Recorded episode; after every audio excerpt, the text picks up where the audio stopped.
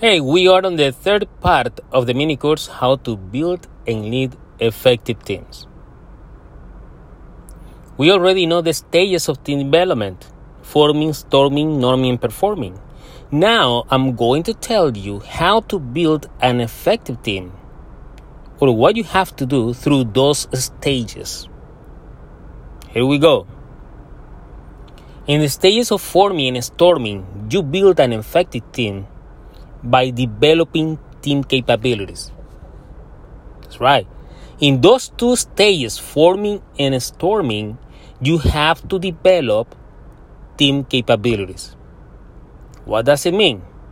It means that you, as a leader, you have to identify the type of knowledge, the type of skills your team require to get the job done effectively. You have to identify what your team needs to know, what skills they need to get, even if it's an individual level or a team level. But you have to make sure that your team has the knowledge and skill required to get the job done effectively. And of course, you have to develop the attitude that you want your team get you have to develop the right attitude for your team and for your organization.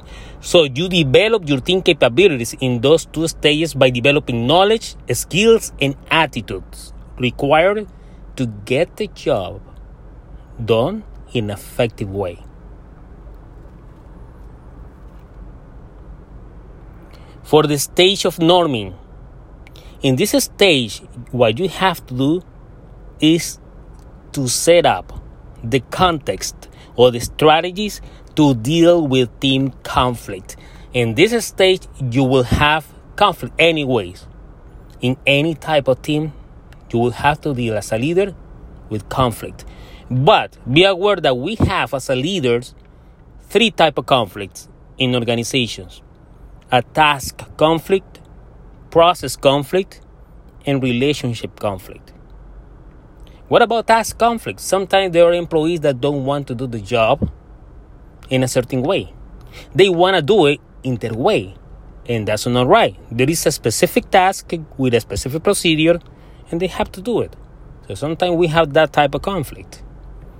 We also have the process conflict that is related to the task, but there are processes that are long, they're short, they're effective, or short or effective, but employees have to follow the process. Sometimes we have employees that don't follow the process for whatever reason it is, causing a conflict, a process conflict. So you have to make sure as a leader that the process is being followed. Because if there is a process there, of course you can make changes, you can improve them.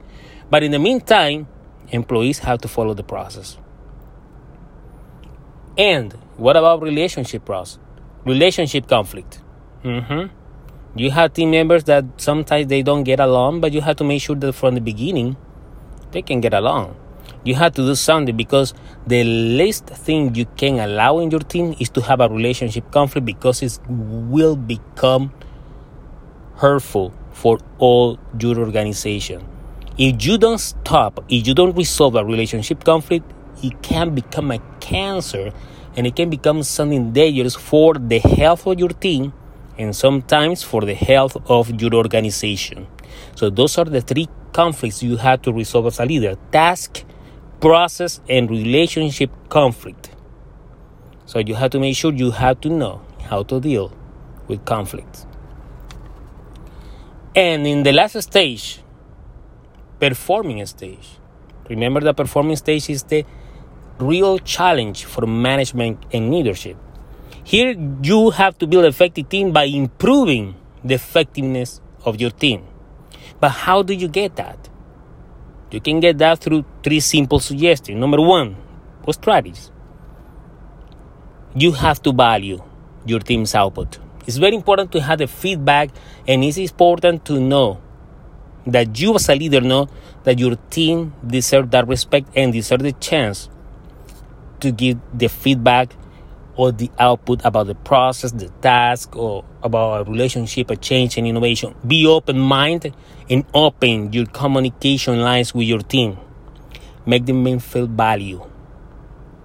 Another way to do that is increase cooperation. You have to create an environment. Sometimes you can create a process where team members cooperate with each other. That sense of cooperation and collaboration between among them, it will help you not only to get the job done properly and effectively, but also will improve the relationship with each other. And the last strategy is improve team's membership. What does it mean? You have to create a team, a team culture where each one of the members feel a sense of belonging. That uh, uh, they feel that they're members of something. They belong to something greater than individually members. They have to feel value and they have to feel that they, they belong to some group. Build your own tribe. Your team is your tribe. So make sure you value the output of your team. Make sure you create an environment where everyone's collaborate with each other. And number three, that everyone feels that belong to something greater. That your team is your tribe and they belong and they are members, VIP members of that tribe. That's how you build an effective team through the stages of team development. Remember, let's summarize. In the forming storming stage, you develop team capabilities. In the norming stage, you deal with team conflicts. In the stage of performing, you improve the effectiveness of your team. I hope you enjoyed this episode. If you like, comment and share it with someone else. Let me know what your thoughts are, and I hope this course will help you to become a great leader and you can improve your team building skills. This is your host, Freddy Guevara. Until the next time.